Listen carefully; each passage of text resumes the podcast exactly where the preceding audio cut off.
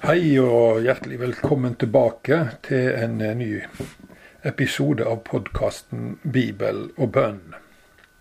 Mitt navn er Jens Thoresen, og jeg er pastor i Kristkirka på Stord. Og alt det du trenger å vite om oss, finner du på www.kristkirka.no. Vi får be sammen. Vi takker deg, himmelske Far, for, det, for en ny dag. Vi takker deg for at vi kan få påkalle deg som far.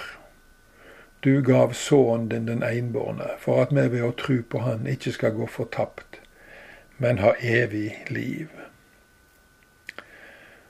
Og du har gitt oss ditt ord, Gud, for at vi gjennom ordet skal bli kjent med deg.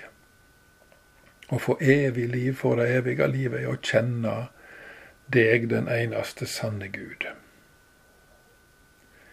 Så må du åpne Skriftene for oss i dag og gi oss nåde, slik at vi kan møte deg eh, i dag gjennom eh, ditt ord.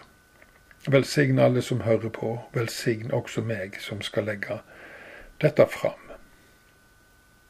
Amen. Vi leser Salme 119, vers 124-128, og der står det slik i Jesu navn. Vis miskunn mot din tjener, lær meg dine forskrifter. Jeg er din tjener. Gjev meg forstand så jeg kan kjenne dine lovbåd. Det er tid for å gripe inn, Herre, for det har bråte de lov. Derfor elsker jeg dine båd mer enn gull ja, skinende gull. Derfor retter jeg meg etter alle dine påbud, og jeg hater alle falske veier. Vi ser først på vers 124 og 125. Vi kan ikke forstå Bibelen uten Den hellige ande. Der er Bibelen klar, og alle Bibels forfattere er tydelige på det at vi trenger overlys når vi leser Guds ord for å forstå det rett. Og Den hellige ande sin, sin oppgave er å åpne Skriftene for oss, slik at vi faktisk ser Gud, hans planer og hensikter i det vi leser og hører. Og når det skjer, at vi faktisk ser Gud i ordet, da er vi gjenstand for Guds miskunnhet.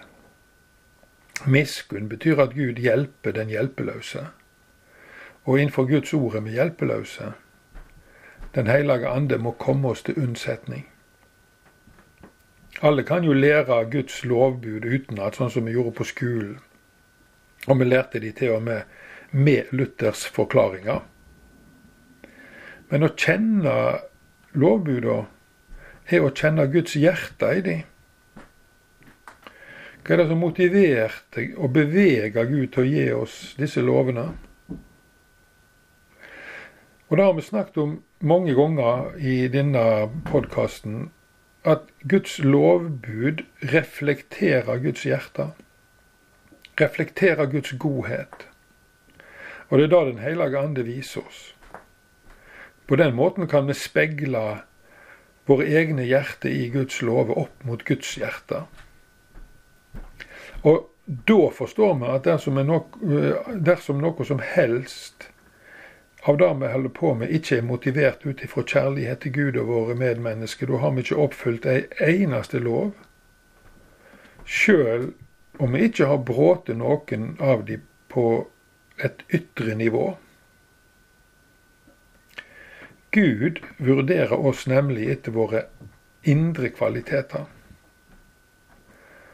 Han ransaker hjertene, leser vi i Salme 15, vers 1. Vers 126 er i bønn om at Gud må gripe inn og stoppe de som bryter Hans lov. Og Det betyr ikke at han skal stoppe alle som feller i synd. Da har han ikke noe annet å holde på med. Men de som bryter hans lov og forsvarer lovbruddet og definerer lovbruddet som noe godt. De som bryter Guds lov på den måten, de vanærer Gud.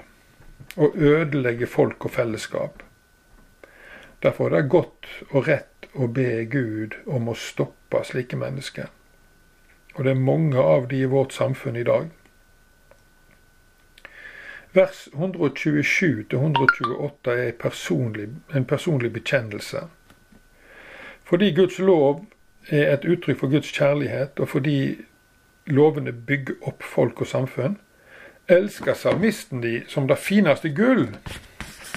Og han bedyrer at han sjøl ikke vil ha noen annen standard for livet sitt enn den som kommer til uttrykk gjennom Guds lover. Og Så vil jeg helt til slutt bare si da, det er ikke da at du bryter lovene som fører deg i, innenfor dommen, men det er da at du eh, definerer vekk lovene. At du erstatter lovene med dine egne eller andre sine moralske grunnprinsipp, dersom disse er ulike Guds lover. Det er da du kommer for dommen. Eh, da syns jeg er viktig å få presisert. For den som bryter lovene, kan bekjenne sine synder og få de oppgjort og vende om og få starta på nytt igjen i Jesu navn. Det er en fantastisk sannhet. Vi skal be Herrens bønn, Fader vår du som er i himmelen. Lat navnet ditt helgas, lat riket ditt komme. Lat viljen din råde på jorda så som i himmelen. Gi oss i dag vårt daglige brød, og forlat oss vår skyld, som vi òg forlet våre skyldmenn. Og før oss ikke ut i freisting, men frels oss fra det vonde, for riket er ditt, og makta og æra i all eva. Amen. Herren velsigne deg og bevare deg.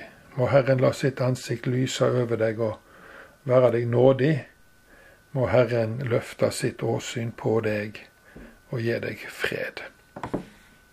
Takk for at du tok deg tid til å lytte til Guds ord og delta i bønna. Jeg ønsker deg en god dag og på gjenhør.